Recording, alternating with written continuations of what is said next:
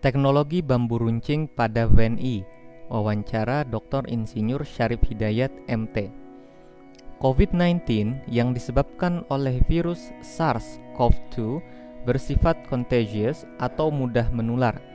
Virus yang masuk ke paru-paru akan mengakibatkan peradangan pada alveoli sehingga terlapisi oleh cairan. Alveoli bersinggungan langsung dengan kapiler darah yang membawa karbon dioksida maka peradangannya dapat membuat pertukaran oksigen terhambat. Akibatnya, pasien mengalami hipoksia atau kekurangan oksigen.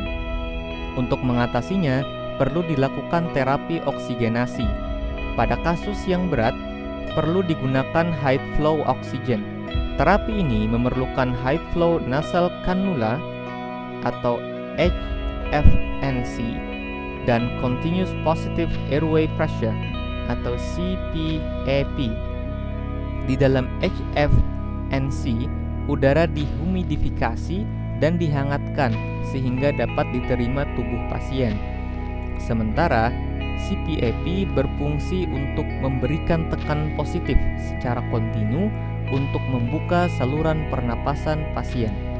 Alat yang dinamakan VNI merupakan salah satu contoh CPAP atau ventilator.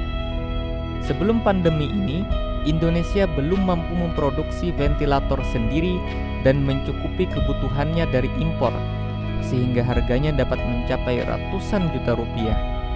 Padahal, di tengah pandemi ini, rumah sakit harus banyak menyediakan ventilator dalam jumlah banyak. Dengan hadirnya VNI, hasil kreasi ITB, UNPAD, dan YPM Salman ITB, kini rumah sakit bisa mendapatkan ventilator secara gratis. Lantas, bagaimanakah kisah di balik proses penemuan, pembuatan hingga pengujian ventilator karya anak bangsa ini? Mari kita simak percakapan mata air dengan Dr. Insinyur Syarif Hidayat MT, ketua tim pembuatan VNI ini. Apakah Bapak bisa bercerita sedikit latar belakang awal mula pembuatan mesin VNI ini? Awalnya agak spiritualis juga. Waktu itu hari Kamis di akhir Maret, saya dan seorang uh, pembina Masjid Salman ITB sedang merumuskan format pengumuman pada jamaah bahwa esoknya pada hari Jumat tidak akan bisa diadakan sholat Jumat berjamaah dikarenakan COVID-19. Kondisi ini membuat saya merasa sedih sekali. Ternyata kesedihan itu langsung dijawab Allah Tepat di depan ruang rapat ada pertanyaan dari salah satu staf tingkat manajer masjid tentang apakah saya bisa buat sprayer untuk disinfektan dan ventilator. Satu malam saya pelajari, alhamdulillah keesokannya saya langsung jawab bisa. Saya berani jawab bisa karena jika Allah berkehendak, apa yang tidak bisa kan? Beruntung saya punya pengalaman membuat kapal penggelar kabel laut yang sekarang beroperasi di Sulawesi dan Maluku. Maka akhirnya dengan adanya proses pembuatan VNI ini, alhamdulillah di Masjid Salman ITB selalu ada yang sholat Jumat selama pandemi.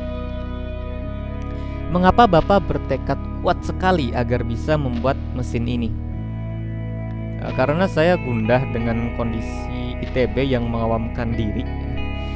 Jika masyarakat awam dengan pandemi, ini wajar tetapi lembaga andalan seperti ITB juga lockdown sementara di dalamnya ada sumber-sumber yang bisa dipakai untuk mencari solusi pandemi ini, maka menurut saya itu berlebihan.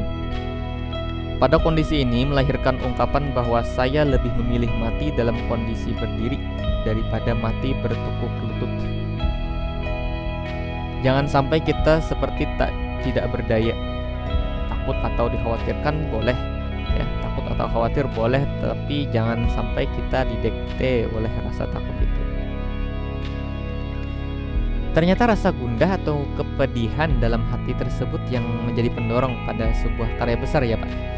Apakah ada latar belakang masa kecil yang membuat Bapak punya sikap gigih tak gentar pada hambatan, sebuah sikap keilmuan yang sangat penting? Ya, dalam proses pembuatan VNI ini saya dipertemukan Allah pada banyak ilmuwan yang pintar baik hati sekaligus berani Saya berasal dari keluarga miskin, bahkan tidak berpendidikan tinggi. Tapi ada yang luar biasa bagi saya, yakni saat kecil ibu saya biasa mendongeng cerita kisah Nabi kepada saya dan kakak yang secara luar biasa telah membentuk karakter pada diri saya.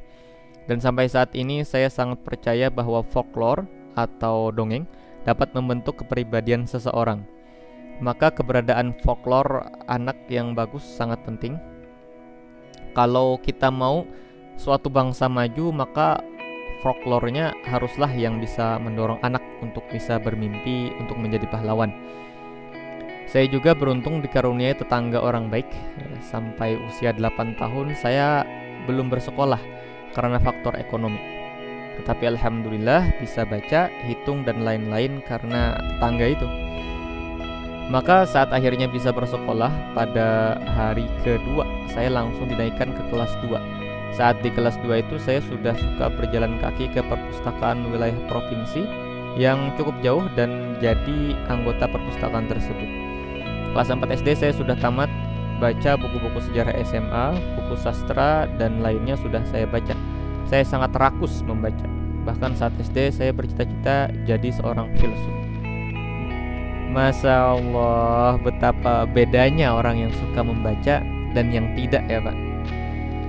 Alhamdulillah Allah karuniakan kecerdasan di atas rata-rata anak umum sehingga saya selalu juara sejak SD walaupun kondisi gizi kurang. Saya ingat sekali hanya bisa minum susu jika sakit. Di tengah kemiskinan seperti ini juga saya pernah dicubit oleh ibu karena berani menerima pemberian makanan dari tetangga tanpa izin ibu. Berarti konsep izah atau penghormatan diri, eh, kehormatan diri sudah ditanamkan dari kecil ya Pak? Iya, saya yakin kalau menanamkan izah itu adalah urusan orang tua, bukan urusan guru. Itu bekal akhlak dari orang tua. Berkaitan dengan hal ini, apa sebenarnya permasalahan besar mengapa generasi muda kita sepertinya sering kali kita dapati masih tidak memiliki izah atau harga diri dan martabatnya sendiri? kita hanyut bersama-sama ya, kalau ya, karena kalau sesuatu itu hanyut biasanya bersama-sama yang tidak itu berarti menentang arus dan biasanya yang menentang arus itu minoritas yang masuk surga juga minoritas. Maka berbahagialah maka berbahagialah jika kita minoritas. Karena itu berarti kita berada di tataran yang berbeda dari yang umum. Yang umum itu biasanya celaka. Al-Quran mengatakan bahwa yang mayoritas itu adalah biasanya yang lengah, tidak bersyukur, tidak berpikir, tidak beriman. Namun saat Al-Quran membicara tentang surga, ya, ia membicarakan penghuninya yang unggul tetapi minoritas. Maka tak usah takut menjadi minoritas dan tak perlu mengagung-agungkan angka. Sayangnya mindset seperti ini tidak uh, dimiliki kebanyakan generasi muda. Lalu siapa yang bisa mengubahnya menurut Bapak? Allah selalu mengatakan bahwa setiap zaman akan dikirimkan utusannya. Allah Maha Pengasih, Dia takkan membiarkan kita hanyut. Maka pada setiap masa akan ada seseorang yang memberikan suluh. Cuma masalahnya biasanya para pemberi suluh sebagaimana dulu para nabi dan rasul sering kali ditolak oleh masyarakatnya namun kita tidak boleh uh, terjebak hanya dalam proses menunggu atau menanti karena mereka yang terangkut adalah bukan menunggu secara pasif, tetapi mereka yang menyiapkan diri. Kesalahan para orang tua yang menyatakan ini adalah masa kebangkitan Islam adalah pada sikap mental menunggu, bukan justru mempersiapkan, menyongsong kebangkitan tersebut. Harus secara menyeluruh dipersiapkan. Jadi media-media seperti mata air ini akan sangat dirindukan untuk memberikan sebuah pencerahan pada orang tua bahwa orang tualah yang memikul tugas untuk menanamkan budi pekerti atau sikap mental positif dan di antaranya adalah juga membuat folklore-folklore atau cerita pengantar tidur anak yang bisa membantu memerangi tantangan yang dihadapi anak-anak di masa depan. Maka apakah izah ini juga yang mendorong Bapak untuk berpikir bahwa Indonesia harus punya ketahanan kesehatan di masa Covid dan membuat sendiri alat ventilator tanpa menunggu dari negara lain? Persis, saya ikut merasa tersinggung dan berdosa saat kita mengalami kebakaran hutan, kekeringan dan banjir silih berganti. Karena kita terbiasa membeli kenyamanan hidup dengan memperkosa alam. Sementara biasanya orang Jepang atau Kanada tidak seperti itu. Mereka mencari cara hidup lebih nyaman melalui karya penemuan dan inovasi. Merusak alam adalah akhlak yang tak ada harga dirinya. Saya tidak mau bangsa ini tidak punya harga diri, maka ini yang melatar belakangi penemuan yang coba kami lakukan. Ya. Maka ini yang melatar maka ini yang melatari berbagai penemuan yang coba kami lakukan. Untuk VNI sendiri total berapa orang yang terlibat dan berapa biaya yang sudah dikumpulkan? Tim inti sekitar 11 orang termasuk tiga orang dokter, mahasiswa dan 70 orang yang membantu pada proses awal dan sekarang sekitar 30 mahasiswa. Dana terkumpul hingga saat ini mencapai 12,5 miliar dari organisasi, korporasi, dan perorangan. Bagaimana perbandingan harga WNI dengan alat-alat yang dibuat di luar negeri? Jadi begini, sebenarnya fungsi ventilator yang dibutuhkan oleh pasien COVID adalah fungsi yang paling sederhana. Awalnya saya mau membuat ventilator yang lengkap, tetapi oleh dokter yang tetapi oleh dokter yang ada di tim saya disarankan hanya membuat fungsi sederhananya saja. Maka harga bisa sangat efisien, sekitar seperempat harga ventilator biasa. Apakah ada peristiwa-peristiwa khusus atau cerita-cerita spiritual saat pembuatan yang membuat kemudahan dan pertolongan dari Allah?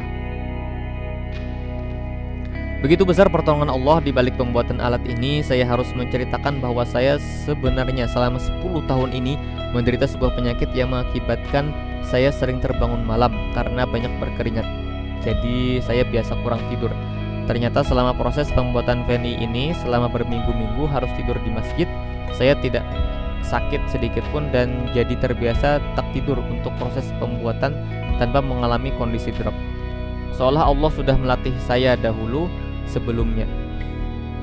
Selain itu, sering banyak orang yang tiba-tiba menolong secara finansial maupun ilmu, sehingga eh, kita tak perlu mengalami hambatan dari segi dana. Bagaimanapun dari sisi perizinan selalu ada kemudahan dari Allah Begitupun dari sisi perizinan selalu ada kemudahan dari Allah. Yang menarik program ini adalah inklusif karena berawal dari sebuah masjid namun jadi kebaikan bagi semua. Rahmatan lil alamin. Tanpa direncanakan, penerima unit pertama VNI adalah uh, Rumah Sakit Advent. Apakah selama pembuatan mesin ini Bapak merasa sering mendapat ilham dari Allah? Pernah suatu malam saya menangis karena terbentur suatu masalah motor mesin yang tidak bisa didapatkan.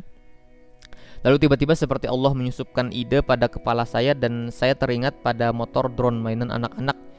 Sepertinya bisa cocok dan kesediaan suplainya juga ada.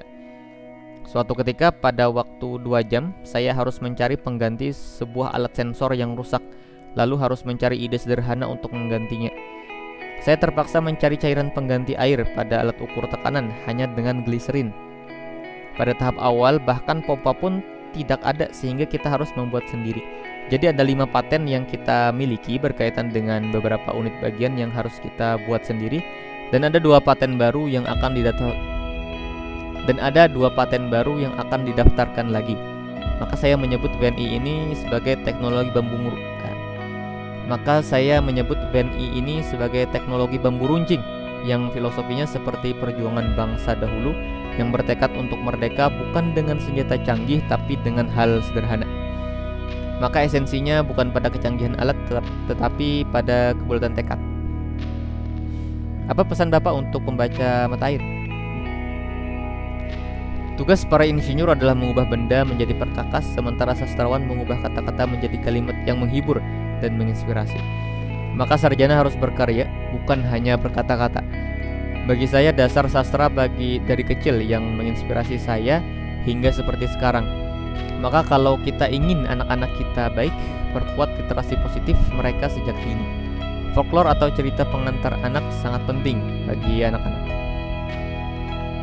Berdasarkan wawancara Astri Katrini Alapta dengan Dr. Insinyur Syarif Hidayat MT pada tanggal 15 Agustus 2020, Dr. Syarif Hidayat adalah lektor kepala di FTE ITB yang mengapalai program WNI